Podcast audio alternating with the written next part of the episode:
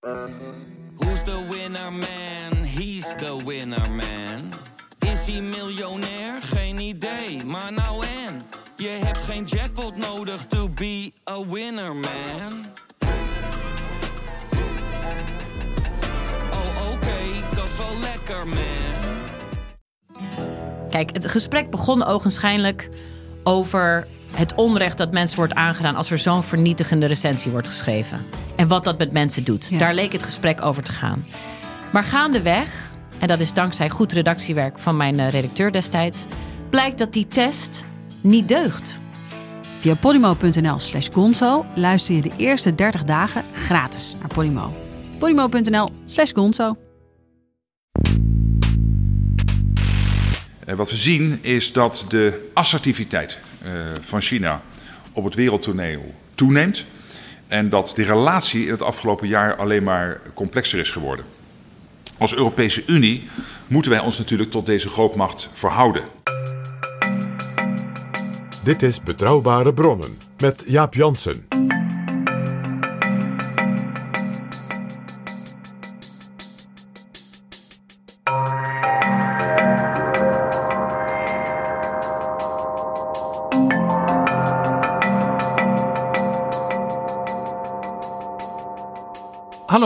Welkom in Betrouwbare Bronnen, aflevering 306. En welkom ook PG. Dag Jaap. PG, we hoorden net aan het begin van deze aflevering Mark Rutte. Dat was op de Europese top eind oktober in Brussel. En daar hebben ze dus urenlang heel intensief zitten praten over de relatie tussen Europa en China. En ik heb uit Brussel gehoord dat men toen besloten heeft dat daar nauwelijks notulen van gemaakt zouden worden. Dus er zou alleen maar komen te staan. We hebben het in de top ook gehad over het belangrijke thema China. Punt. En je ziet dat Rutte er even melding van maakt. Even kort dat het intensief was. En vervolgens komt hij met een heel gebalanceerd, je zou kunnen zeggen typisch Nederlands tekstje. Van we moeten natuurlijk wel in dialoog blijven met China. Zowel de dominee als de koopman kwamen weer samen hand in hand langs. En wat ook opviel, maar daar kunnen we het straks ook nog wel over hebben. Want dit wordt een beetje het thema van deze aflevering. We moeten ons niet koppelen aan de Verenigde Staten. Die eigenlijk een strategie hebben waarin ze steeds verder afstand nemen van China. Ja, dat kwam in een half, nou kwart bijzin langs. Dat Europa daarbij dus een zelfbewuste, onafhankelijke positie moest ontwikkelen. Ook ten opzichte van de Verenigde Staten. Dus Europa, zegt Rutte, dat was dus blijkbaar een van de thema's van dat indringende gesprek. Wat dus niet de notulen komt. Maar de notulist Mark Rutte gaf dus even aan. Er is daarbij nadrukkelijk gezegd. We zijn niet de bijwagen van Joe Biden hier. Dat er zo lang over China gesproken werd, dat hangt samen met het idee dat we in Europa de afgelopen tijd hebben gekregen, wat steeds sterker is geworden, dat we als Europese Unie te afhankelijk zijn van een aantal andere delen van de wereld, grootmachten, voor hele essentiële onderdelen van onze economie, maar bijvoorbeeld ook eh, als het gaat om onze gezondheid. Dat hebben we bij de COVID-pandemie gezien. En onze cultuur, communicatie, mobiliteit. Eh, denk even aan dat berichtje wat ineens langskwam. Dat al die jongeren en ook politici die op TikTok zitten. In feite hun hele elektronische omgeving gratis cadeau doen aan meneer Xi. Het probleem op dit moment lijkt Rusland te zijn, maar is in feite, als het gaat om echt ja, grote gevolgen, China. En met zijn houding, PG, lijkt Rutte heel erg op de lijn te zitten die ook Olaf Scholz, de Duitse bondskanselier, heeft gekozen, die vorige week op bezoek was bij Xi Jinping in Beijing. En we zien nog iets, Jaap. Jij weet nog hoeveel er voorbije jaren de geluiden waren van pundits en anderen. Europa, ach. Kijk nou naar de grootmacht in de wereld. Europa wordt steeds verder gemarginaliseerd. Dat zit aan de rand van dat Eurasiatische continent. China, de Verenigde Staten, Rusland, wat een geweldige Rusland. Hè. India, Europa stelt allemaal niet zoveel meer voor. Daarom vonden, vonden sommige mensen Brexit ook zo'n briljant idee. Want dan konden ze Global Britain maken. Hè, ze ontkoppelden zich met hun eiland van dat stervende continent en konden iets geweld. Nou, en kijk eens nu. De oorlog in Oekraïne en de totale fiasco van, van Brexit laten eerder zien dat Europa alles behalve gemarginaliseerd is, maar weer een centrale ja, plek in die verhoudingen op het wereldtoneel geworden is. En En Europa, dat Europa daar zelf bijna, soms bijna van schrikt hoe belangrijk het weer is. ja, en Europa moet zich dus rekenschap geven van de verha- nieuwe verhoudingen in de wereld. En ook de kwetsbaarheden van de Europese Unie zelf. En een antwoord gaan vinden op de vraag: hoe worden wij strategisch onafhankelijk in moeilijke tijden? En als er dan één land is waar je dus intensief met elkaar over moet nadenken, maar met wie je dus ook heel intensief ja, moet communiceren, dan is dat natuurlijk het land met de nieuwe partijleider voor het leven, de eerste sinds Mao, Xi Jinping. En daar gaan we het in deze aflevering over hebben. PG, zijn er nog nieuwe vrienden van de show? Ja, Jaap, er zijn weer nieuwe vrienden.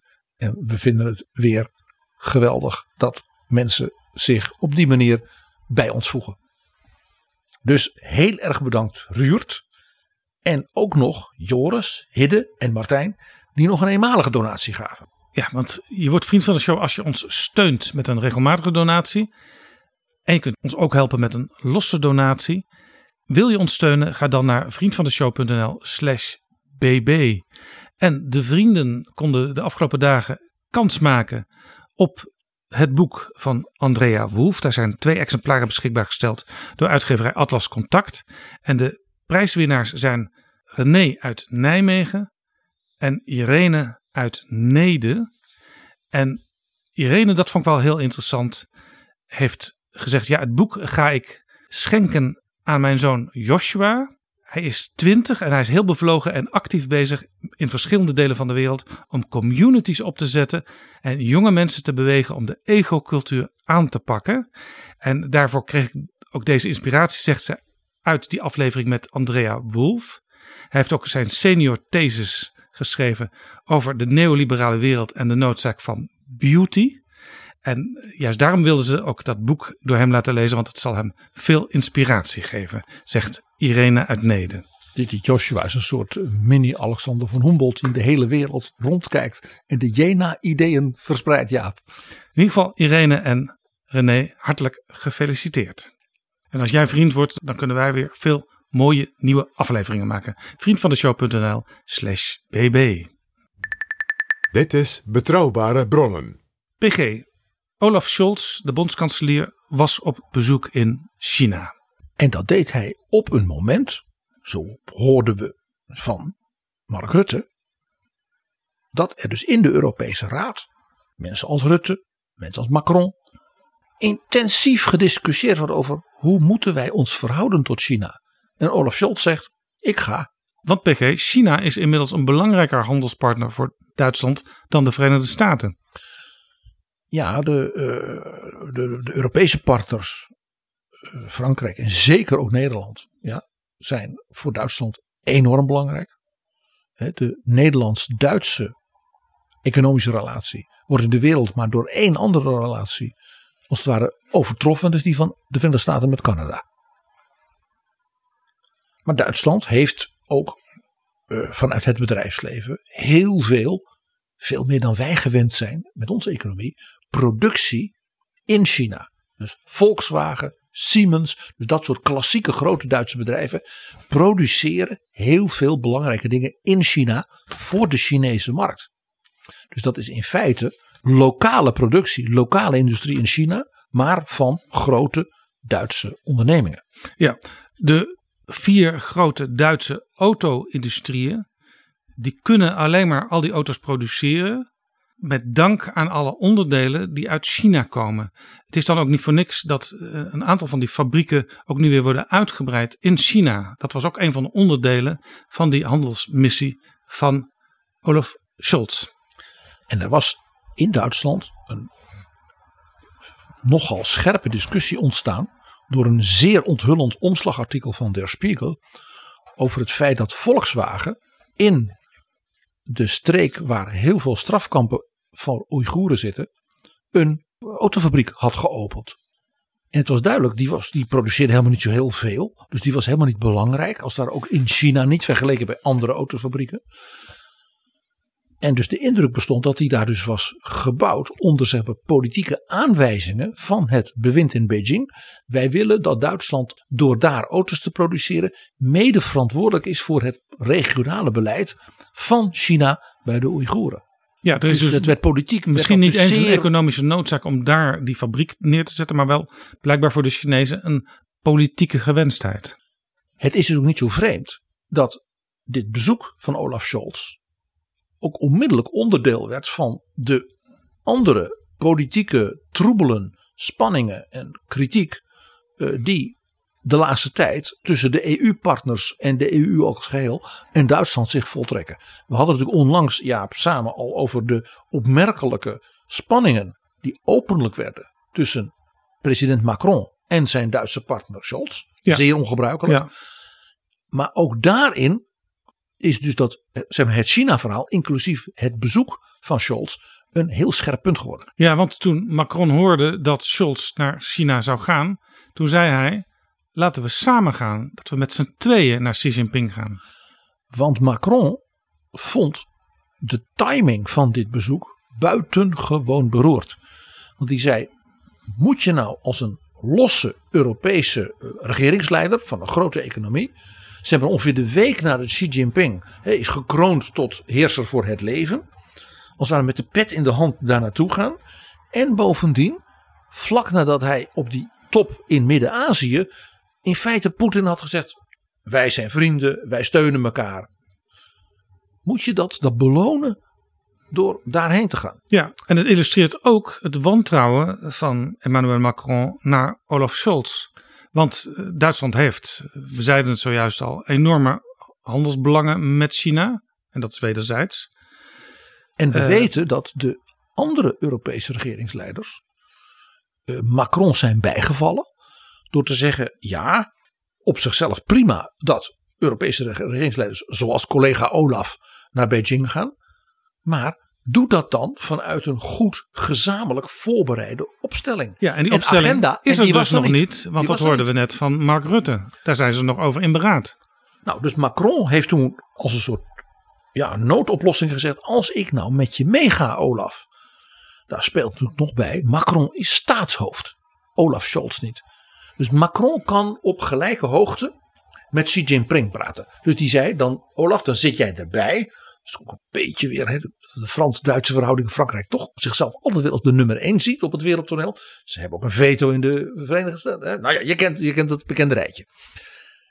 Als wij dan daar samen zitten, dan moet Xi Jinping dus op niveau met ons praten. En dan kunnen wij ook uitstralen een gezamenlijke Europese lijn.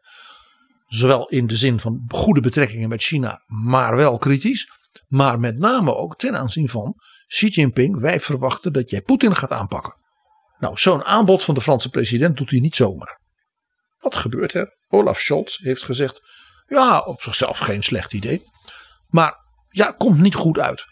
Dus hij heeft op een vergelijkbare manier als die topbijeenkomst in Fontainebleau van de twee regeringen. Met agendaproblemen en verder, ja, het kwam niet zo goed uit. Dit initiatief van Macron afgeslagen. Ga er maar vanuit dat dat onderdeel is van de reden waarom er maar niet te veel genotuleerd werd over dat uitgebreide gesprek hè, waar Rutte verslag van deed. Ja, wat we wel weten van die Europese top is dat daar ook intensief gesproken is in het kader van wat doen we met China over de haven van Hamburg, waar de Chinezen in een van de terminals een aandeel van bijna 25% hebben gekregen van de bondskanselier. Waarbij dus de bondskanselier als een geweldige zeg maar, concessie en bewijs van zijn politieke kracht was.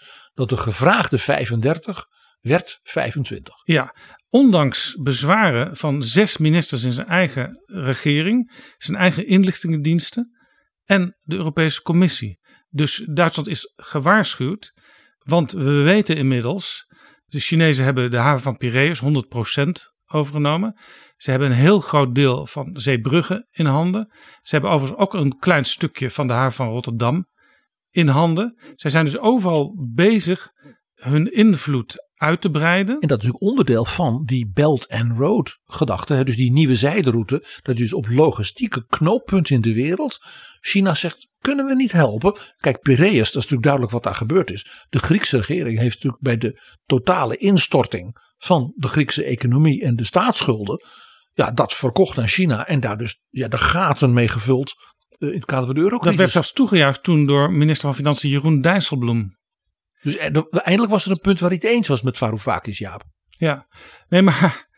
En, wa- en wat je dus ziet is dat, dat China dus overal belangen krijgt. En dus waardoor dus wel- al die landen waar zij belangen hebben, altijd wel een beetje rekening moeten houden met dat dubbele belang van zowel het eigen Europese land als China. En China kan ook nog gaan spelen met die belangen door eh, de ene haven tegen de andere uit te spelen. Nou, daar kwam nog bij dat eh, er dus indringend gewaarschuwd werd van dat met Hamburg is geen goed idee. Hier speelt natuurlijk ook nog wel, Jaap, dat zijn van die all politics is local dingen. Hè? Olaf Scholz was burgemeester van Hamburg. Het is zijn politieke, zeg maar, huismacht Hamburg. Dus het feit dat hij zich persoonlijk ook als bondskanselier ging bemoeien. Ja, dus actief, beleidsmatig ging bemoeien met die onderhandelingen. Toont dus ook aan dat hij dit deed vanuit een soort, mag ik zeggen, naar binnen gekeerde, ook SPD, partijpolitieke belangen ten aanzien van de stad Ja, Hamburg. en je zou natuurlijk naïef een beetje kunnen denken: oké, eh, China eh, breidt zijn belangen hier uit. We, wi- willen toch ook in de wereld een beetje van elkaar afhankelijk zijn, want dat maakt de wereld in een, in een globale context alleen maar eh, ja, beter. Maar in die wereld leven we niet meer. Want Anthony Blinken, de minister van Buitenlandse Zaken van de Verenigde Staten, heeft onlangs nog eens benadrukt: China die wil less dependent on the world worden. En wil er tegelijkertijd voor zorgen dat the world becomes more dependent on China. En daar is een heel belangrijk extra punt bij. Nog los dus van die indringende waarschuwingen over de Hamburgse haven. Vlak voordat Scholz vertrok, werd ineens bekendgemaakt dat ook toestemming was gegeven dat China een belangrijke chipsproducent in het Roergebied gewoon overnam.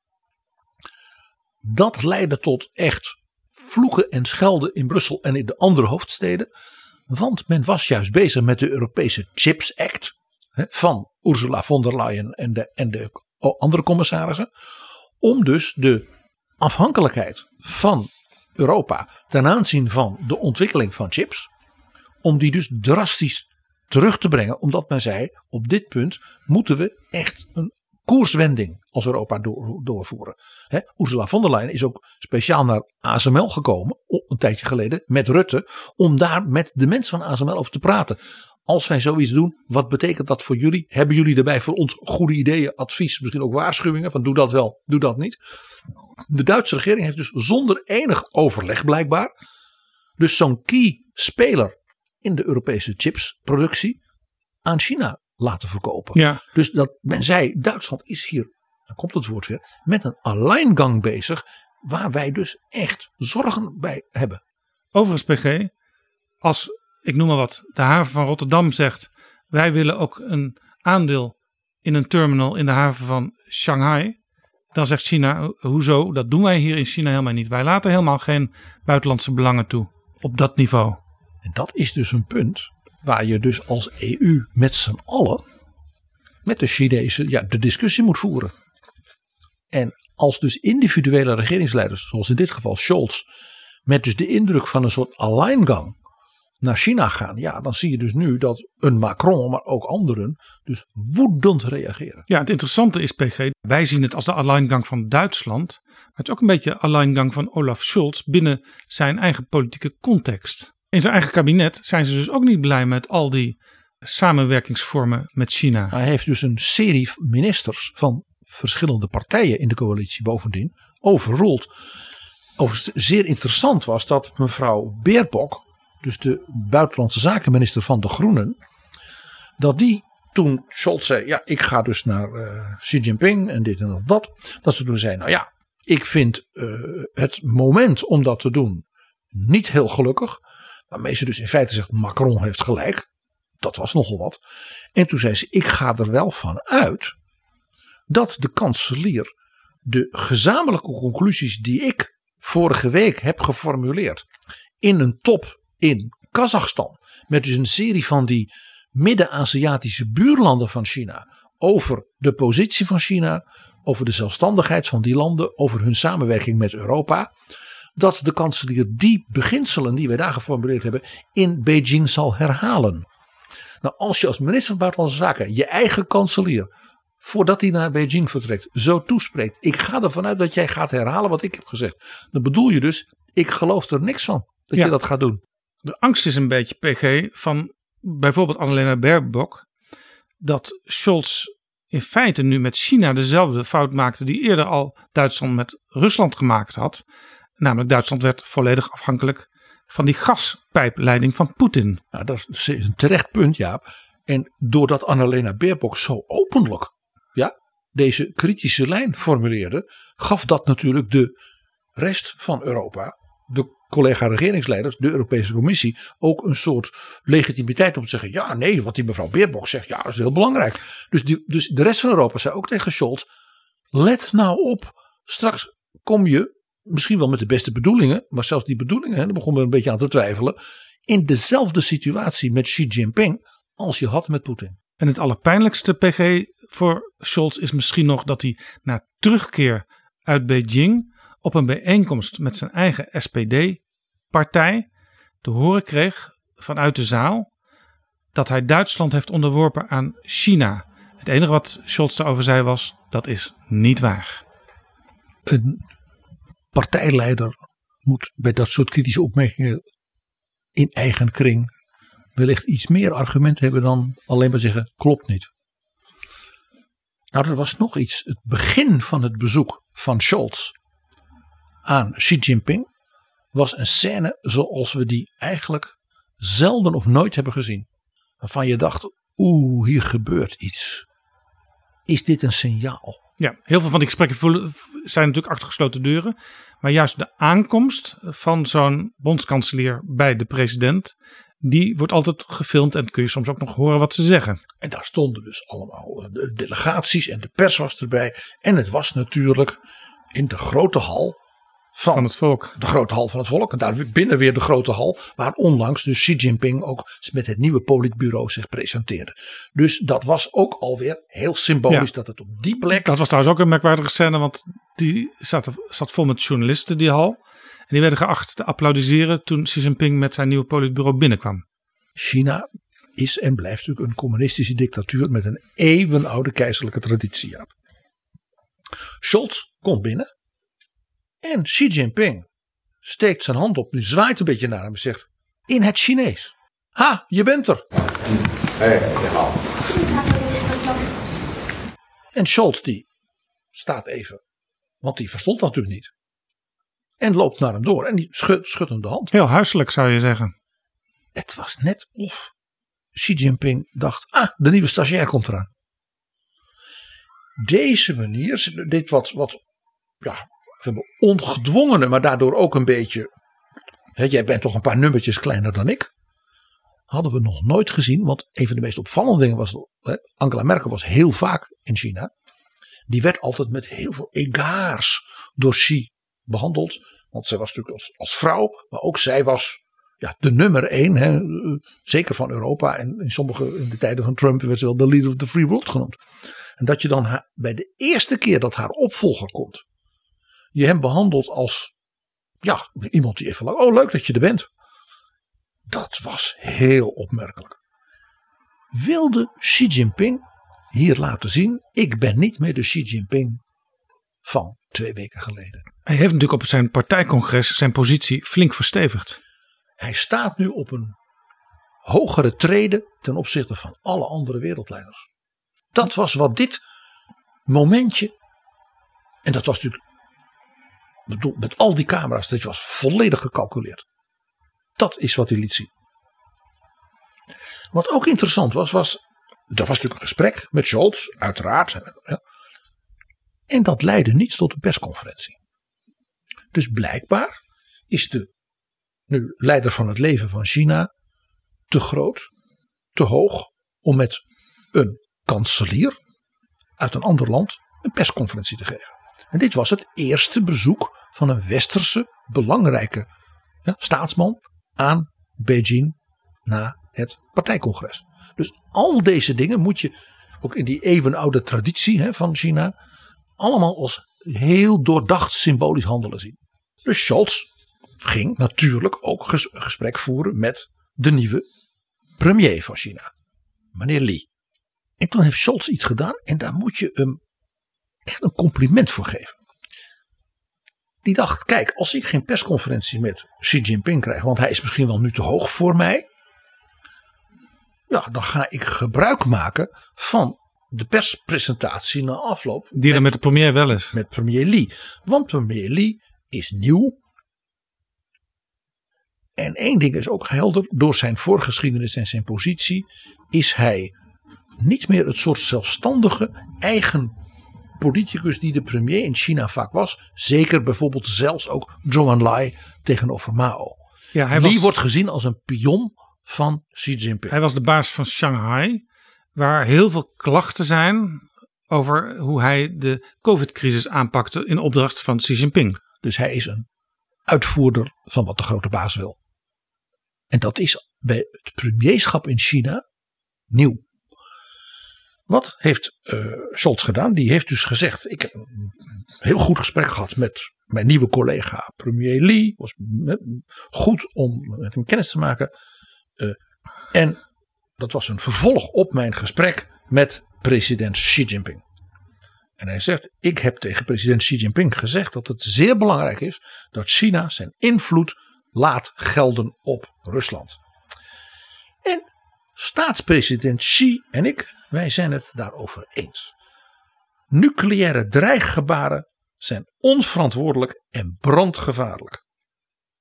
Ja, premier Li, die kon toen op dat moment ook moeilijk zeggen: nee hoor, dat hebben ze niet besproken. Ik zat daarbij, want hij zat daar niet bij. En zat daar dus als een, ik zeg maar, een zetbaasje van Xi. Dus wat gebeurde er? Premier Li Keqiang zei niets. En vervolgens kwam hij dus met zijn verhaal. En zei: Ja, wij als Chinese regering. Wij eisen een spoedig einde aan de crisis rond Oekraïne. En de partijen zouden toch vredesgesprekken moeten voeren. Want we kunnen ons als wereld en ook als China geen ergere escalatie meer veroorloven. De uitwerkingen van een oorlog als deze zijn heel erg slecht op de wereld. Kijk maar naar de energieproblemen en kijk ook naar de graanhandel. De, de gevolgen daarvan zijn ook voor China ernstig. Daarom eis ik meer stabiliteit. Want anders komt er een grote klap voor de hele wereldeconomie. Dat Scholz dit in feite uitlokt bij die Chinese premier, dat bewijst dus zijn politieke vakmanschap. En het is ook een klein beetje tegemoetkomen aan wat Annalena Baerbock van tevoren al eiste. Eh, Ik denk dat Annalena Baerbock als minister van Buitenlandse Zaken zal hebben geglimlacht. Zo van, ik kan de bondskanselier zo nodig in Beijing voor me uitjagen. Dat is politiek dus Ja. ook behendig. Ja. Ja?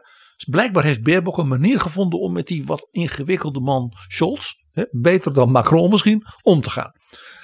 Maar ja, je zag hier natuurlijk nog iets. Xi Jinping gebruikt dus blijkbaar Scholz om Poetin te waarschuwen. Hij doet het niet zelf, maar heeft als het ware een verlengde arm. En dat is Olaf Scholz. Door dus met Olaf Scholz dat te bespreken en vervolgens Olaf Scholz als het ware toe te staan. Om in dat persgesprek met premier Li te zeggen: Ik citeer even mijn gesprek met president Xi. En meneer Li kan alleen maar zeggen: Ja, dat vinden wij ook als ministers. Want wij zijn natuurlijk maar hè, pionnen van Ja. Xi Jinping. Ja, twee dingen. De steun van Xi Jinping is voor Poetin van levensbelang. Als Xi Jinping of via de mond van de premier, als daar iets kritisch uitkomt, dan komt dat heel hard aan in Moskou. Helemaal als dat uit de mond van de bondskanselier komt, die zegt: Xi Jinping en ik zijn het eens. En dat is punt twee. Het is nu Scholz, maar je zou kunnen zeggen, Scholz is natuurlijk ook in die zin wel een vertegenwoordiger van Europa. Europa kan dus op het wereldtoneel een belangrijke rol spelen. Ja, want Xi Jinping heeft blijkbaar zoiets van: nou ja, de relatie met mevrouw Merkel was voor mij zeer belangrijk. En ook al behandel ik die Scholz een beetje als een kleine jongen, want ik ben nu groot, nog groter dan ik al was. De relatie met Duitsland en Europa is voor ons best handig ook. Het is meer dan alleen maar een markt voor onze spulletjes. Want kijk nou, doordat ik die Scholz dit laat doen en mijn premier Lee dan dat laat uh, seconderen, kan ik ten opzichte van Poetin ook meer speelruimte hebben. Aan de ene kant zegt tegen Poetin, ja we zijn vrienden hè, de week daarvoor. Maar nu via de Duitsers, en dat komt dus extra hard aan, laat ik ook de waarschuwing horen. Good cop, bad cop gedrag.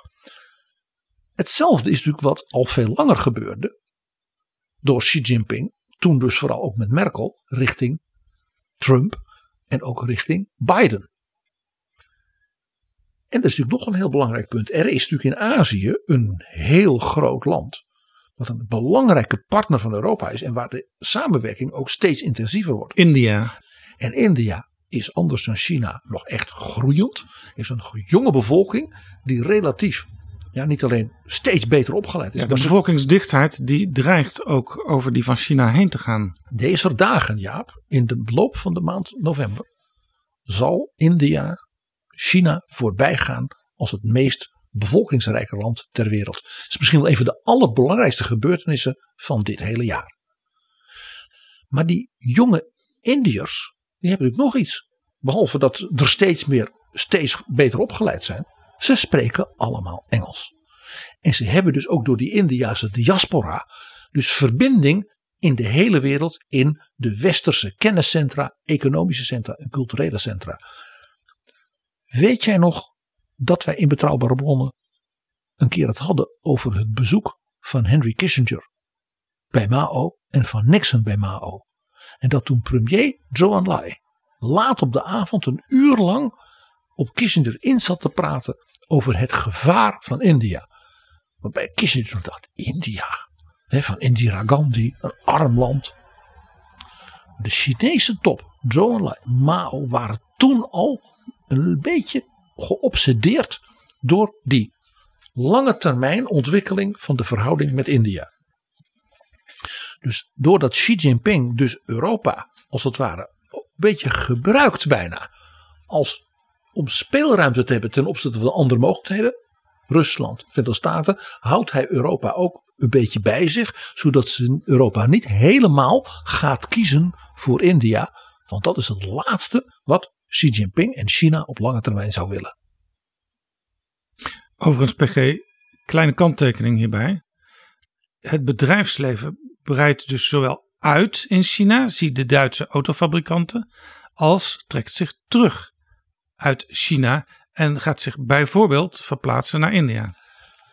En dat betekent dus dat je met z'n allen in Europa, en niet alleen maar Duitsland op zijn eentje en Frankrijk op zijn eentje en Nederland op zijn eentje, een strategie moet hebben daarbij. Want als iedereen maar wat aanrommelt, de een gaat, ja, ik ga zelfs auto's bouwen in Oeigoerenland tussen de, tussen de concentratiekampen. Ja, ik zeg maar een beetje bruut, Zo maar is zo het is wel. het. En de ander zegt, ja, maar wij gaan met die Indiase universiteiten eh, nog meer dingen, dingen doen, want die Indiase ingenieurs die zijn zo geweldig. Dan moet je denken, ja, wat, wat is dit voor strategie? Als je dan ook nog zegt, ja, en wel met Taiwan en niet met Taiwan. Er is dus noodzaak een strategie. En hier is nog een leuk puntje bij. Dat Olaf Scholz op deze manier kon opereren, had misschien niet mogelijk geweest als hij Macron wel had meegenomen. Want dan had Macron daar gezeten als staatshoofd. Dus dan was dat gesprek met Xi Jinping, met Scholz er dan bij, had dat wel moeten leiden tot een persconferentie. En er was misschien die waarschuwing aan Poetin niet op die manier gedaan, om, want zo'n waarschuwing via en Frankrijk en Duitsland samen, dat is te zwaar. Dus grappig genoeg. En bovendien had Xi Jinping er dan zelf bijgestaan om het eventueel te kunnen corrigeren. Dus het is ook weer een leerproces, denk ik, voor de Europese leiders. In de omgang met Xi Jinping in zijn nieuwe rol hè, als de grote heerser. Merkwaardig genoeg eh, was dus hoe het nu ging misschien wel slimmer en positiever dan van tevoren gedacht.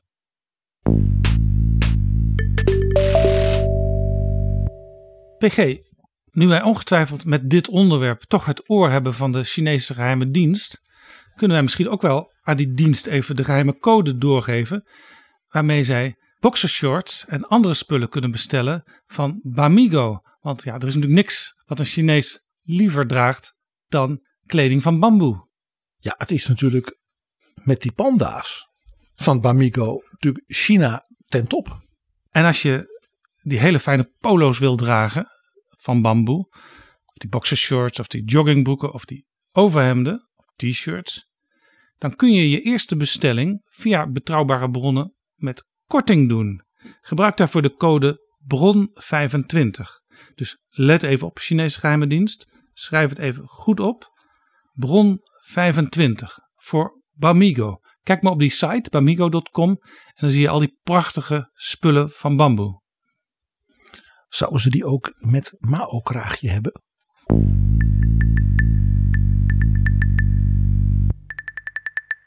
PG, aan het begin van deze aflevering hoorden we Mark Rutte.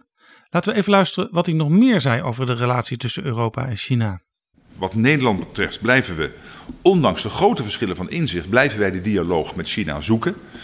Uh, en op basis van de gemeenschappelijke belangen ook samenwerken. Zoals bijvoorbeeld op internationaal klimaatbeleid. Uh, maar daarin moet ook de ruimte zijn om over en weer, maar zeker ook van ons naar China, uh, onze zorgen over te brengen en de kritische kanttekeningen te plaatsen. Inclusief zorgen over mensenrechten. We pleiten ervoor dat de Europese Unie daarbij een zo concreet mogelijke agenda formuleert om die betrekkingen met China ook vanuit de Europese Unie om die verder vorm te geven. En daarbij is het dan van belang dat Europa zoveel mogelijk zelfbewust natuurlijk, maar ook onafhankelijk opereert uh, en er sprake is van gelijkwaardigheid en wederkerigheid. Uh, en we daarbij dus niet uh, een soort verlengstuk zijn van Amerika, maar daarbij onze eigen politiek hebben als Europese Unie richting China. Als je dit nou hoort, PG, dan staat Rutte toch vrij dicht bij Scholz in zijn aanpak van China. Ja, je ziet dus, het debat over Europa en China is vol losgebarsten. Want je ziet dat Mark Rutte na dat gesprek in de Europese Raad met zijn collega's het blijkbaar nodig vond om toch kort in feite de positie van Nederland te formuleren. Ja. En daar zit een beetje in ons ethisch imperialisme van je moet wel kritisch met ze kunnen zijn. De dominee. Maar we willen ook natuurlijk wel uh, handel drijven. De koopman. Ja. En vervolgens gaat dus Scholz naar Xi Jinping. En komt terug hè, naar wat wij zojuist hebben geprobeerd te analyseren. En één ding is duidelijk. Er is dus nu behoefte aan een fundamentele analyse en gezamenlijke conclusies. Niet meer dat elk land dat doet op zijn eentje. Ten aanzien van hoe verhouden we ons als Europa tot China. En daar is vaak het woord strategische autonomie de voorbije jaren gebruikt. Van de geopolitieke commissie van Ursula von der Leyen. Maar door de pandemie, door de oorlog van Poetin in Oekraïne, de energiecrisis en ook wat die, die Chinese premier zei. Hè, dit is slecht voor de wereldeconomie, ook slecht voor China. Als er een soort graan- en voedselcrisis komt, is het dus duidelijk: het gaat om fundamenteel nog veel meer dan alleen maar die strategische autonomie. Bijvoorbeeld, iedereen beseft nu dat het klimaatbeleid van, zeg maar zeggen, Frans Timmermans, vanwege dus de grote energietak daarin, dus volledig samenhangt met het snel, zoals Rutte noemde, Europa onafhankelijk maken, zelfbewustzijn en minder dus aan het gas en de afhankelijkheden van zowel Rusland, maar bijvoorbeeld ook de golfstaten. Het is dus niet alleen maar klimaatbeleid om de natuur te redden. Het is ook klimaatbeleid om dus energieonafhankelijkheid in heel hoog tempo te realiseren. Hetzelfde zie je met de zeldzame grondstoffen, rare earth.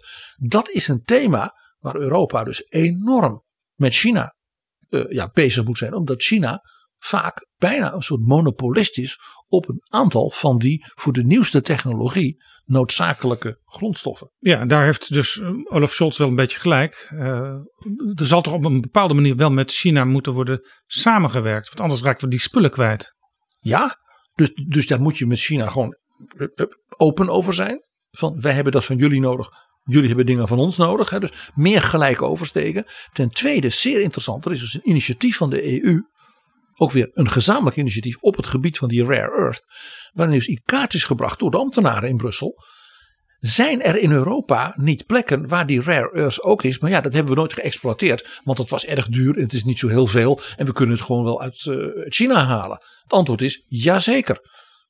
Er zijn zelfs van die middeleeuwse mijnen.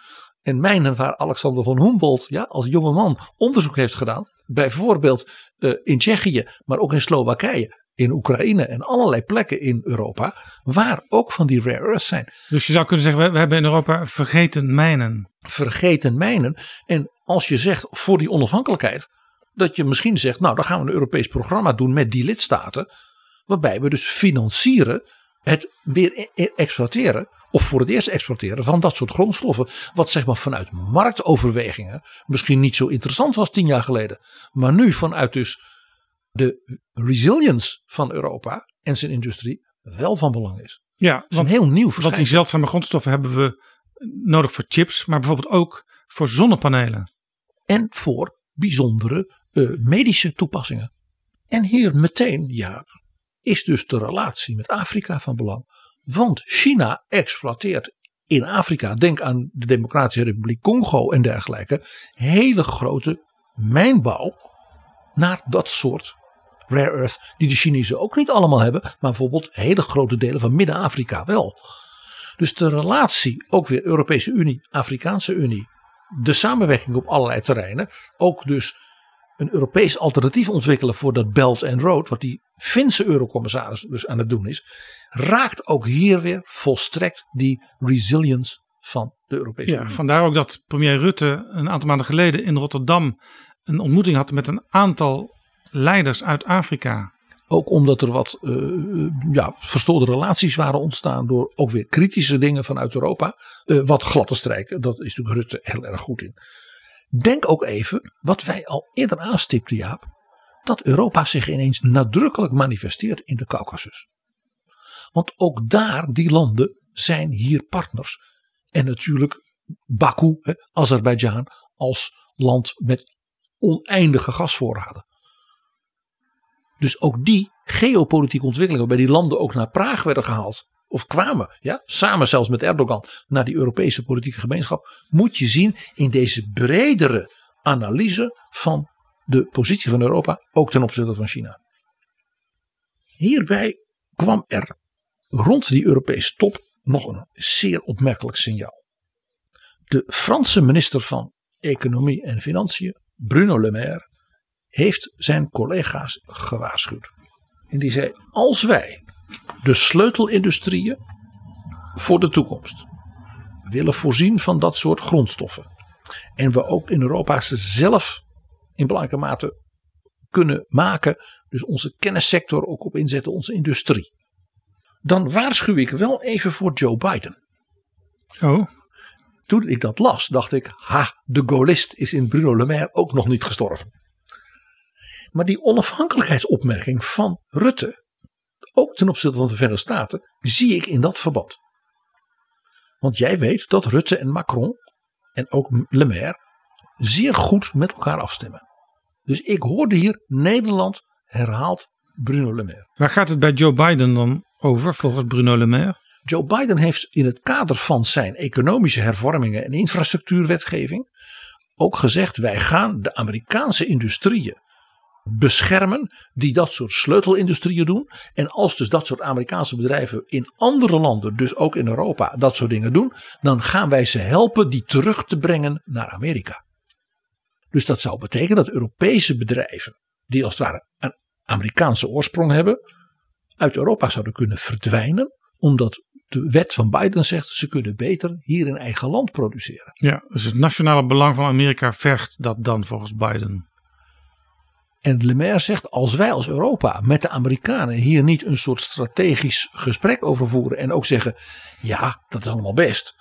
Maar nu zitten we elkaar te beschadigen ten opzichte van bijvoorbeeld China en Poetin. Is dat nou de bedoeling? En toen dacht ik ook weer aan dat bezoek van Ursula von der Leyen bij ASML. Want het gaat precies om dat soort industrie. Ja. En die waarschuwing van Bruno Le Maire is natuurlijk onderdeel van dus die argwaan, om geen ander woord te gebruiken, van Macron ten opzichte van Scholz. Hij waarschuwt dus de EU om te zeggen: let nou op, want de Duitsers zijn op dit punt met een soort alleingang bezig. Althans, daar zijn wij bang voor. En als wij niet opletten, worden we vervolgens door de Amerikanen ook nog geplukt. Wat natuurlijk weer heel gaullistisch is. Je ziet dus, Jaap, met Bruno Le Maire, die dus bij een discussie over China van zijn baas Macron met de collega's zijn vinger opsteekt en zegt van mag ik nog even een andere wereldmacht kritisch benaderen waar we ook niet zeg maar naïef moeten zijn. Dat dus de EU zichzelf steeds meer ook in een soort mondiale rol ziet. Niet alleen maar een individuele relatie met dat land, een individuele relatie met dat land, maar dat men daar een coherent geheel veel meer is gaan zien. Dat zag je dus ook bij die Europese politieke gemeenschap in Praag. Dat zag je ook bij dus de bewuste keuze. De volgende bijeenkomst is in Chisinau in Moldova. Ja. Dat was een typisch geopolitieke, vanuit zich de mondiale machtsverhoudingen ingegeven besluit. Wij waarschuwen hiermee Poetin indringend voor zijn machtsexpansie bij zijn buurlanden, zijn kleine, zwakke buurlanden. En je ziet dus ook dat Europa in dus die nieuwe westerse alliantie van Amerika, Canada, Australië Nieuw-Zeeland, Japan en Korea, Europa ook zo'n positie nu inneemt van ja, wij zijn daarin een senior. Natuurlijk zijn de Verenigde Staten als economie van die groep de grootste. Maar Europa als handelsmacht en als economie hoeft niet heel erg onder te doen voor de Verenigde Staten. En de Verenigde Staten heeft aanzienlijk minder inwoners. 332 miljoen inwoners heeft de Verenigde Staten. Europa 450 miljoen. Dus Europa is dik een derde groter dan de Verenigde Staten. Ook dus qua burgers, consumenten en economische activiteiten. Dat is ook weer een hele nieuwe manier van de vertaling van dat idee van die geopolitieke Europese Commissie en dat beleid. En dit heeft geleid tot een heel verrassend element, wat ook weer al marge van die Eurotop naar voren kwam. Als wij nou zien dat wij een, met China dus een ingewikkelde relatie hebben, hè, er wordt wel de term systemische rivaliteit. We voeren handel met ze, we hebben allerlei contacten, maar we zijn ook eerlijk dat we zeggen: er zijn dingen, wij zijn rivalen, dan moeten we gewoon oppassen. Dan is het toch misschien wel nuttig dat, je, dat die landen die dus dat west, westerse bondgenootschap vormen, dat veel meer is dan alleen militair, dat is ook een veel ja, omvattender, coherenter geheel, dat die ook met elkaar dan intensieve verdragen hebben over die samenwerking. En toen werd gezegd, nou we hebben het CETA met Canada, er is, Europa heeft ook een CETA-achtig verdrag, een soort vrijhandelsverdrag met Japan. Dat was een van de grote prestaties van Jean-Claude Juncker. Men heeft dat met Australië en Nieuw-Zeeland. En met welk land heeft men dat niet? Nou ja, we waren bezig, uh, maar dat is stopgezet door Trump met het Transatlantic Trade and Investment Partnership, TTIP. En toen Trump het had stopgezet, toen heeft op een gegeven moment de Europese Commissie geconcludeerd dat de onderhandelingen over TTIP als achterhaald en niet langer relevant moesten worden gezien. Ik heb jou wel verteld dat ik in 2016 in Hannover op de Hannover Messe was. En dat Barack Obama daar kwam. En die zei: Mijn belangrijkste boodschap is: ik ben bereid mijn politiek kapitaal. Hè, in het laatste half jaar als president vol in te zetten. Maar dan moet u het als Europa ook willen. En daar heeft Europa dus te traag gehandeld, zou je misschien kunnen zeggen. En het interessante is dat nu openlijk wordt gezegd: moeten we niet, nu Joe Biden nog president is, het gesprek heropenen over iets TTIP-achtigs. Ja, het kan niet hetzelfde verdrag zijn. Maar bijvoorbeeld kijkend naar de verdragen met Japan en Canada, Australië en dergelijke. Dat we tegen de Verenigde Staten zeggen, zouden we niet dat met elkaar kunnen doen? Wat je dan natuurlijk gaat krijgen op termijn, is dat dat één verdrag gaat worden. Van de EU met Amerika en met Japan. En dat dat één totaal wordt. Nou ja, je ziet dus ja, dat het debat in Europa over China gaat over veel meer dan alleen die losse dossiers handelspolitiek, zelfs mensenrechten, al die dingen, dat wordt één geheel. Maar PG, als je dus over TTIP begint en eh, dus misschien ook dan wel de inhoud wat wilt veranderen, omdat er destijds wel heel veel kritiek ook vanuit Europa was over de inhoud daarvan. Maar dan moet je dat wel snel met de regering van Joe Biden opnemen. Want ja, je weet niet eh, wie er over een paar jaar als president aantreedt. Er is sowieso alle reden. Zie ja, de oorlog in Oekraïne en de gevolgen daarvan om hier niet te talmen.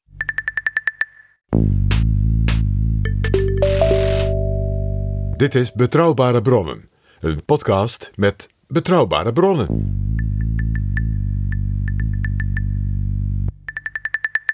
Je ziet dat het debat op het hoogste niveau in Europa over China met de terugkeer van Olaf Scholz niet is beslecht en verminderd, maar eerder uitgediept en ja, veel omvattender geworden. En Jaap, daar is in Brussel als het ware ook nu sprake van een soort verschuiving van het taalgebruik. Het woord strategische autonomie is aan het verdwijnen. Want daarvan zegt men dat is in eerdere fase geweest. Men heeft het nu over fundamentele weerbaarheid. Hoe zorgen we dat dus de Unie economisch, maatschappelijk, cultureel, ook qua waarden, ook qua gezamenlijk optreden in de wereld, zodanig weerbaar is dat het als het ware met die andere wereldmachten ja, niet met de pet in de hand moet opereren, maar ze aan kan spreken en ook kan zeggen: zullen we dit samen doen? Jij doet dit, ik doe dat. In zekere zin dus wat Bruno Le Maire ook zei van we moeten ten opzichte van de Amerikanen ook niet naïef zijn, maar daar ook weerbaar zijn. En dat begrip dat kun je in het Nederlands vertalen in open strategische autonomie. En daarover heeft het kabinet deze week een brief gestuurd aan de Tweede Kamer. De Kamerbrief Open Strategische Autonomie.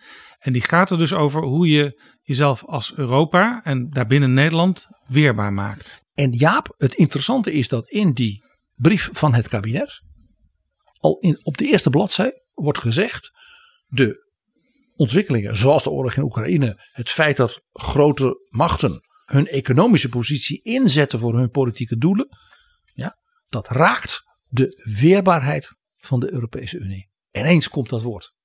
En het interessante is dat in de brief ook benadrukt wordt dat uh, die open strategische autonomie niet meer een zaak is van enkele ministers en van de minister-president, maar van alle ministers. Het is dus een integraal beleidsonderdeel geworden. Ja, dat wordt zelfs benadrukt van als we in Europa als lidstaat zeg maar, voluit hier kunnen opereren, dus ook mee kunnen doen, dan zullen we in feite de manier waarop wij dit in eigen land hebben georganiseerd, moeten moderniseren.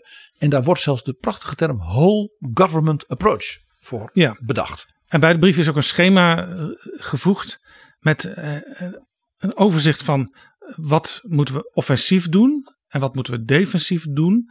En hoe verhoudt zich dat tot waar de EU al mee bezig is? Waar kunnen we dat als Nederland nog wat aanzetten en ook bilateraal met bepaalde eh, onderdelen van de EU, maar ook buiten de EU?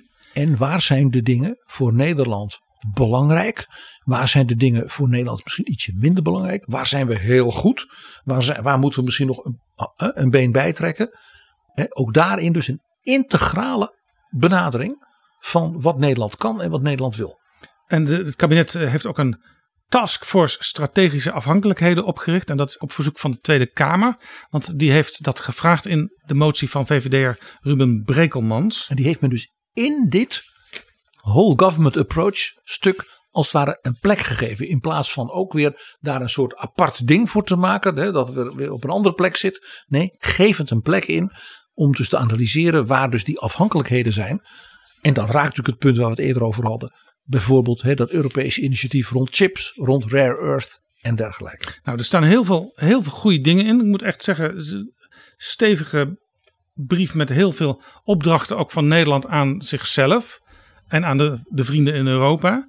Maar toch, PG, één politiek dingetje. We hebben het natuurlijk eh, grotendeels in deze aflevering over de verhouding tussen Europa en China. Dus er zit een heel hoofdstuk over China in. Nou, dat is dus niet zo. Want op pagina 1 wordt China één keer genoemd. En volgens mij is dat ook de enige keer in, het, in die hele dikke brief van eh, ja, 13 pagina's plus nog een heleboel bijlagen. Ik zal het even voorlezen, want dan zie je meteen hoe ze over China schrijven. Eigenlijk niet over China schrijven. Het openlijke conflict om economische en technologische dominantie tussen China en de Verenigde Staten en de Russische agressie in Oekraïne illustreren de veranderende internationale context.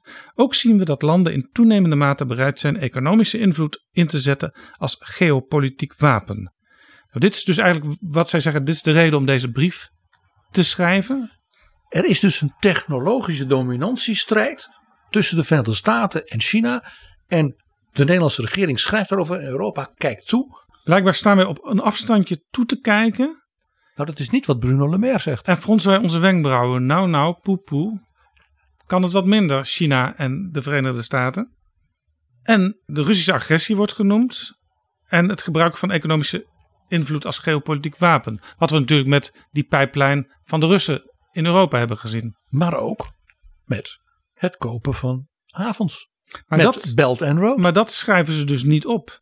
China wordt als een soort ja, actor in de verte die in- aan het strijden is met Amerika beschreven. Maar dat hele stuk en al die bijlagen is natuurlijk voor een heel groot deel gericht op het beantwoorden van de vraag: hoe gaan we om met China? Mag ik één detail uit die brief nog aanstippen? Er wordt op, in een bepaalde passage heel goed in het kader van die whole government approach gezegd. Ook onze collega Robert Dijkgraaf is hier actief. Want de kennisinstellingen en de minister zijn met elkaar in een stevig debat over hoe je de kennisrelaties internationaal zo vormgeeft en ook zo waar nodig bewaakt dat je veiligheid van je kennis, denk je intellectueel eigendom en andere dingen, eh, niet in het gevaar komt. Nou, iedereen weet dat gaat over China. Dat gaat ook over die Confucius-instituten die dan aan universiteiten zijn. Waarvan dan sommige mensen zeggen: ja, is dat niet eigenlijk gewoon de Chinese geheime dienst? Houden ze niet bijvoorbeeld Chinese geleerden en studenten in de gaten? Dat soort verhalen ook uit andere landen. Denk ook even aan die Chinese politiebureaus die er dus blijkbaar in Nederland waren. Waarbij dus Chinezen uit de diaspora onder druk werden gezet. Nou, Wopke Hoekstra heeft dat eh, flink eh, aangekaart. En toen bleek dat dus een heleboel collega's in de EU, eh, maar ook de Britten, allemaal zeiden: ja, dat Nederlandse signaal, daar gaan wij. Dat was duidelijk een vervolgens gezamenlijke actie richting Beijing. Het is heel opvallend dat dus dat niet in die brief staat. Van op dat punt zijn wij in een behoorlijk stevig gesprek met China. En dat gesprek dat zullen we tot conclusies moeten voeren.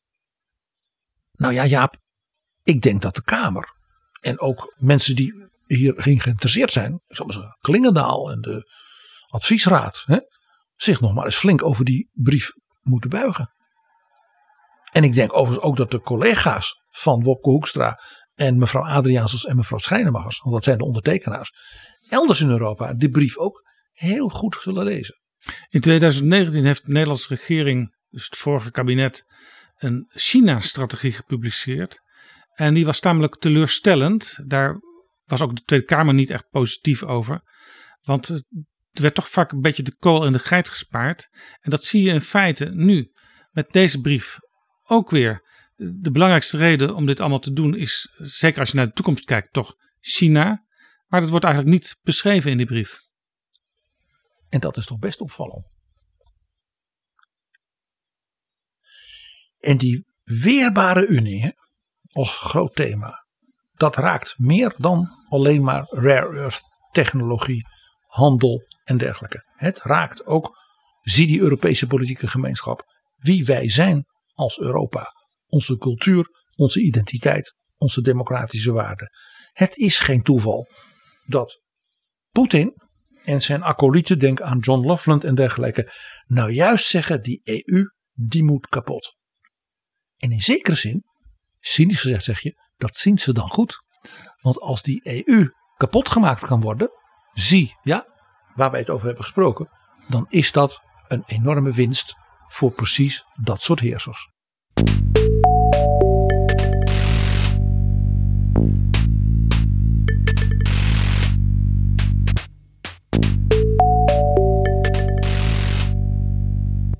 PG, als het gaat om Europa en de toekomst, moeten we dus vooral ook naar China kijken.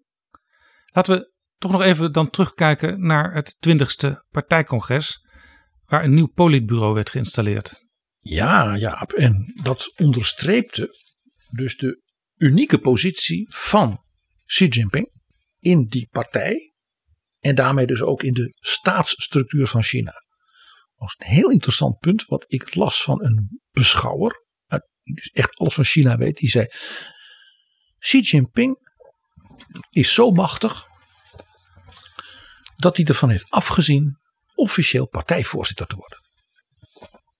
Hij heeft dus besloten op het congres dat zijn titel ongewijzigd blijft, namelijk secretaris. Hij heeft dus niet gezegd: Ik ben nu de nieuwe Mao, dan wil ik ook de hè, voorzitter Mao zijn. Voorzitter Xi. Die niet gedaan. Hij heeft dat niet nodig. En dat is natuurlijk, dan herken je onmiddellijk Deng Xiaoping. Die altijd zei: Ik hoef al die titels niet. Ik ben alleen maar erevoorzitter van de Bridgebond van China. En secretaris van de Vereniging voor de Veteranen van de Lange Mars. Ik ben 80, ik hoef niks meer. Zoals Rutte ook zegt, leider, dat woord ken ik niet. Zou hij dat van Xi Jinping hebben, Jaap? Xi Jinping heeft dus in het partijcongres het zo gereorganiseerd, want dat heeft hij, dat alles nu draait om hem. En dat is nieuw in China. En dat is nadrukkelijk niet de erfenis van Deng Xiaoping, die juist zei: we moeten dat niet meer doen. dat was Stalin, dat was Mao. Je moet een collectief leiderschap waarin de verschillende stromingen, en zoals regio's en achtergronden, in het Centraal Comité en het Politbureau een plek vinden. Ja, wat ze in Amerika wel eens noemen de best en de brightest, die zou je om je heen moeten verzamelen. En een beetje communistisch polderen. Maar dit is een team van loyalisten wat nu om Xi Jinping heen zit. Hij heeft mensen die dus in het Centraal Comité zaten. En wat de vertrouweling waren van eerdere leiders of vanuit regio's waar hij niet zoveel uh, directe relatie mee heeft. Dit heeft hij allemaal weggewerkt. Het meest opmerkelijke was dat hij dus de oud-leider Hu Jintao voor het front van de hele media en heel politiek China in feite heeft laten afvoeren van de slotceremonie. Het verhaal was natuurlijk, ja, hij voelde zich niet lekker. Tuurlijk. Ja, dat is overigens interessant, PG. Dat hij zich niet lekker voelde, dat, is, dat hij dus gezondheidsproblemen had. Dat is in de internationale media uh, gezegd. En uh, die media die kun je in China zelf niet lezen. Dus de Chinezen die hebben gewoon gezien dat iemand werd weggevoerd zonder verklaring. En op een manier die in de strak geregisseerde uh, ceremoniële kant van zo'n partijbureau nog nooit was vertoond. Dus voor de gemiddelde Chinees ziet het er toch best wel bedreigend uit. De gewone Chinees die dus die zeg maar, internationale verklaring van hij was niet zo lekker niet meekregen, die hoefde die verklaring nog helemaal niet te hebben. Die wisten precies wat hier gebeurde. In dus dat nieuwe politbureau zitten dus eigenlijk vooral pionnen van Xi Jinping, zoals ook die premier Li. Op één man na. En dat is zonder meer de meest interessante figuur in dat politbureau. Dat is meneer Wang Huning. De ideoloog. De partijideoloog met een heel apart ja, verhaal. Om je een idee te geven, hij zit dus in het politbureau. Heeft nog nooit in zijn hele loopbaan, hij is nu 67, een regeringsfunctie gehad. Hij is dus niet gouverneur geweest van de provincie Fujian. Hij is geen onderminister geweest voor dit of uh, uh, iets. Hij is altijd een soort ambtelijke, uh, ondersteunende denktankfuncties heeft hij gehad. Onder andere ook bij de Academie van Sociale Wetenschappen hè, van president Lu Jiaxi, met wie ik moest, mocht praten. En hij is op die manier dus omhoog gekomen. En hij heeft dus de ideologische, zeg maar, onderbouwing van het beleid gedaan van alle opvolgers van Deng Xiaoping. Dus van Jiang Zemin, van Hu Jintao en nu ook van Xi Jinping. En hij geeft leiding aan een denktank, een enorm gebouw waar honderden mensen werken. En daar worden ook de boeken geschreven van Xi Jinping. Hij heeft er inmiddels een stuk of twintig geschreven die je allemaal in China in elke boekwinkel kunt kopen. Maar die zijn dus in feite allemaal onder verantwoordelijkheid van Wang Huning geschreven. En als jij die verantwoordelijkheid hebt voor zeg maar, de officiële publicaties van de leider, dan ben je de absolute nummer één. Want dat gold ook voor president Lu. Want zijn academie was verantwoordelijk voor zowel het verzameld werk van Mao als de verzamelde publicaties van Deng Xiaoping. Dus deze man heeft als het ware die rol overgenomen van de president van de Academie van Sociale Wetenschappen. Er stond een heel interessant artikel over hem in de Groene Amsterdammer onlangs, geschreven door Jan van der Putten, met niet voor niks PG als titel De geheime keizer van China, de ideoloog achter de troon. En ik las in een interessante publicatie online over meneer Wang iets heel opmerkelijks. De bloggers in China die met elkaar discussiëren over politiek voor zover dat kan, die hebben een lichte spotnaam voor meneer Wang Huning. Namelijk Guoxi. Guoxi. Guoxi. En dat is de naam die de belangrijkste religieuze mandarijn aan het hof van de keizer kreeg. Het wordt dus heel interessant om te zien hoe uh, in die nieuwe positie van Xi Jinping als leider voor het leven de rol invulling van meneer Wang als enige niet pion in dat politbureau zich zal ontwikkelen. Wat voor soort initiatieven gaat hij leiden?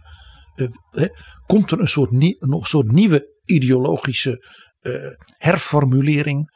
Uh, komen er misschien zelfs ook weer nieuwe zuiveringen? Want ook dat is natuurlijk niet uit te sluiten. Trouwens, dat politbureau PG, dat bestaat uit allemaal zestigers. En er was altijd een regel dat als je een bepaalde leeftijd bereikt had, dat je dan niet meer van prolongatie in aanmerking zou komen. Nou, uh, een aantal van die mensen die zitten er nog gewoon. En wat ook opvallend is, er zit geen enkele vrouw in. En doordat er nu geen vrouw in zit, is het waarschijnlijk dat er ook over heel veel jaren de rol van vrouwen in de top van China nauwelijks relevant zal zijn. Ja, die is dus fors teruggebracht ten opzichte van de jaren van, van Deng Xiaoping. Over dat punt van die leeftijd, is goed dat je dat aanstipt. Die regel was ook van Deng Xiaoping. Want die zei, ik ben oud, hè, zei hij al. Dus er moeten heel veel jonge mensen komen. Ja. En de manier om dat te doen is een, gewoon een leeftijdsgrens in te voeren. Zodat oude mannen zoals ik gewoon op een bepaald moment weg moeten. Dat was ook typisch hè, die zelfspot en die humor van Deng Xiaoping. Waardoor iedere Chinees hem ook begreep. Die regel is door Xi Jinping geschrapt uit het statuut van het Centraal Comité. En er zijn dus zelfs nieuwe mensen benoemd in het Centraal Comité. die eigenlijk al die leeftijdsgrens van 67 jaar hadden bereikt. PG, dit team van loyalisten. dat heeft er eigenlijk bij de internationale markten meteen toe geleid. dat de koers van het aandeel China, om het maar even zo samen te vatten. flink omlaag ging. Want ja, de, de economen die zeggen. daar zijn geen specialisten aan het bewind. maar allemaal vrienden en trouwe dienaren van de machthebber die geen eindtijd meer kent. En dat in een fase dat dus de Chinese economie het gewoon niet goed doet. Die decennia van economische dynamiek en groei, die zijn gaan stokken. Daarbij is natuurlijk het zero-covid-beleid van meneer Li in, Shanghai, hè, in opdracht van uh, Xi Jinping, heeft geleid tot ernstige verdere verlamming van natuurlijk cruciale economische centra als dat Wuhan en vooral ook Shanghai. Dit heeft grote consequenties voor China. Want de geloofwaardigheid van het regime zat hem in zeg maar, het politieke, sociale contract dat Deng Xiaoping hè, na de enorme toestanden in de tijd van Mao heeft gesloten met China. Deng zei: accepteer nou de leiding hè, van mij en de Communistische Partij. Ik zorg voor meer openheid. Ik ga zorgen dat het economisch beter gaat. Uh, hè, dus we gaan de armoede bestrijden. En to be rich is glorious, zoals hij altijd zei. Maar als dus de Chinezen moeten vaststellen dat dus die economische voorspoed en dynamiek, dat die dus verlamd raakt. Dan komt natuurlijk ook de vraag van, ja maar waarom laten wij ons dan koeieneren en ja ook een dictatuur ook online, hè, een cyberdictatuur, over ons leven gebeuren. Als dus het regime niet levert. Daarbij speelt natuurlijk, we wezen er al even op, dat China sterk vergrijst. En dus relatief weinig jonge mensen nog heeft. Dat leidt er dus nu al toe bijvoorbeeld dat de competitie in China om de plekken op de beste universiteiten dus een probleem aan het worden is, want men heeft niet meer genoeg mensen om deel te nemen aan de competitie. Dus iedereen haalt het. Ja, dat is niet de bedoeling. ja, maar, ja, dat is een even oud systeem, zoals je weet, nog uit de tijd van de mandarijnen voor de keizer. Die werden op die manier ook geselecteerd. Dus als Xi Jinping tegen de Chinezen moet zeggen, ja, dat werkt niet meer. Dan zeggen de Chinezen, ja, maar dat was niet de afspraak die Deng met ons gemaakt had. Dus dit zijn zeer opmerkelijke ontwikkelingen. We wezen ook al op dat de EU zich nu actief bezighoudt met een soort alternatief voor die Belt and Road zijderoute. En ja, jij wees er ook al op dat politbureau, dat is dus nieuw. Er zit niet één iemand bij uit een generatie waar je zegt, ah, Xi Jinping is bezig de beste jongere leiders naar voren te tillen, zodat hij ooit kan worden opgevolgd. Dus misschien is er wel sprake van een merkwaardig soort verlamming, hè, die samengaat met als het ware een soort, soort stratificatie, ja, hiërarchisering rondom de persoon van Xi Jinping. Een voorbeeld hiervan, Jaap, is dus dat Xi Jinping ja, bijna een soort, wacht zeggen, soort greatest hits toespraak hield. Waarin hij opnieuw natuurlijk begon over, ja, Taiwan, dat is China. Dus in feite zeiden, ja, Mao heeft dan met de Amerikanen wel gedeeld en Deng Xiaoping nog meer. Van oké, laat die mensen op dat eilandje. Het is wel van ons. We gaan het ook nooit opgeven. Maar wij accepteren dat ze in Taiwan hun eigen koers varen. En dat ze een beetje westers georiënteerd zijn. Als het maar niet te gek maken. Dat was de, de zeer pragmatische lijn van Deng Xiaoping. In ruil daarvoor kreeg hij Hongkong terug. Geen slechte deal, zou je dan zeggen. En je ziet dus Xi Jinping gewoon weer dat verhaal houden. En Jaap, het Westen heeft zoiets van, dan moeten we maar gaan waarschuwen. Kijk maar naar Nancy Pelosi die afgelopen zomer plotseling op bezoek was in Taiwan. En jij weet, Nancy Pelosi, dat is iemand waar ze in China nou bijna nooit echt de pest aan hebben als Donald Trump heeft. Want zij was als jong Kamerlid, hè, dat weet je nog, opgepakt op het plein van de Hemelse Vrede met spandoeken tegen de onderdrukking. Ze lieten ook meteen straaljagers opstijgen om een beetje door het randje van het Taiwanese luchtruim te scheren. En dat zag er echt huiveringwekkend uit eh, voor de Taiwanese. Die dachten we moeten de schuilkelders in. Maar ja, één ding, ze dachten niet over het randje, want dan komt Nancy met die stiletto hakken, zoals we van haar weten, en dan mept ze erop. Maar het wordt steeds minder lastig voor westerse landen om betrekkingen met Taiwan aan te knopen. Eh, bijvoorbeeld afgelopen week was ook Greg Hans ter plekke, de Britse minister van Internationale Handel. Terwijl het Verenigd Koninkrijk formeel geen banden met Taiwan heeft, was hij daar toch met de president in gesprek. En twee weken geleden was er een Europese delegatie van parlementariërs uit verschillende landen. Met onder andere Sjoerd Sjoerdsma, Tweede Kamerlid D66. En ook de Europarlementariër Reinhard eh, Butikover. Als een bekende van de Groenen, van de oprichting van de Groenen zelfs. En zelfs een parlementariër uit Oekraïne zat in de delegatie. Dat is dus heel symbolisch, wat men hiermee dus onderstreept. Wij zien Taiwan als een ja, eervol democratische rechtsstaat. Dat hoort bij ons. En daarom nemen we zelfs iemand van Oekraïne mee. ook hier weer, laat China niet doen met Taiwan wat Poetin met Oekraïne doet. En ook zij hebben dus gesproken met president Chang Ing-wen. En Sjoerdsma die wil zijn best gaan doen dat Europa uh, nu al aan China laat weten wat de consequenties kunnen zijn van een inval in Taiwan. Oh, dat is echt een rode lijn trekken. Opmerkelijk. Want, zegt Sjoerdsma, bij Rusland hebben we dat niet gedaan. We hadden ook geen enkel idee dat Rusland zou gaan doen wat ze gingen doen. Maar we zien wel nu steeds die dreigementen van China richting Taiwan. Er is in de wereldpolitiek, Jaap, één iemand die wat daar gebeurt met Xi Jinping geweldig vindt. Donald Trump. Die heeft op een van zijn rallies voor de midtermsverkiezingen verteld. Hij, hij praat ook over van alles en over zijn documenten in Mar-a-Lago en dat het een schande is. En, hè. en hij heeft ook gezegd: Ik had een geweldig goede relatie met Xi Jinping. We weten dat hij Italiaan altijd riep China bad. Hè?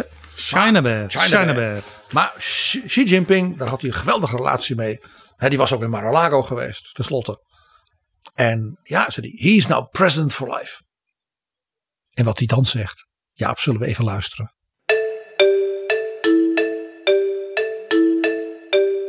President Xi, who is a strong man, I call him king. He said, But I am not king. I am president. I said, No, you're president for life, and therefore you're king. He said, Huh, huh. He liked that. I call him king. I get along with him great. Dat je als oud-president van de Verenigde Staten niet begrijpt dat je natuurlijk de communistische leider van China niet prijst als je hem een monarch noemt. Ze hebben tenslotte die communistische republiek met Mao, met, de, met de, de grote lange mars gedaan om het vernederde, door de koloniale machten ja, onder, onderworpen China van de keizers te veranderen. En daar een nieuwe grote socialistische wereldmacht van te maken. Dus tegen Xi Jinping zeggen, ja ik noem jou koning. Dat is zonder denk ik dat Trump dat weet een volstrekt affront. Nou laten we hopen dat de Europese leiders in hun discussie over hoe gaan wij ons verhouden tot China op dit punt. Sommige van hen hebben een koning tenslotte hè, als uh, staatshoofd. Dat zij verstandiger zijn. Dankjewel, PG.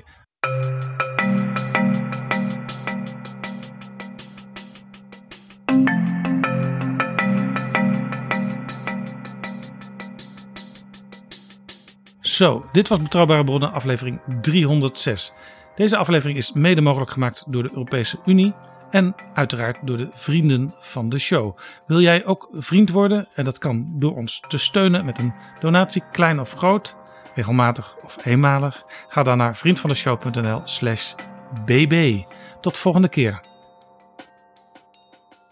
Betrouwbare bronnen wordt gemaakt door Jaap Jansen in samenwerking met dag en nacht.nl.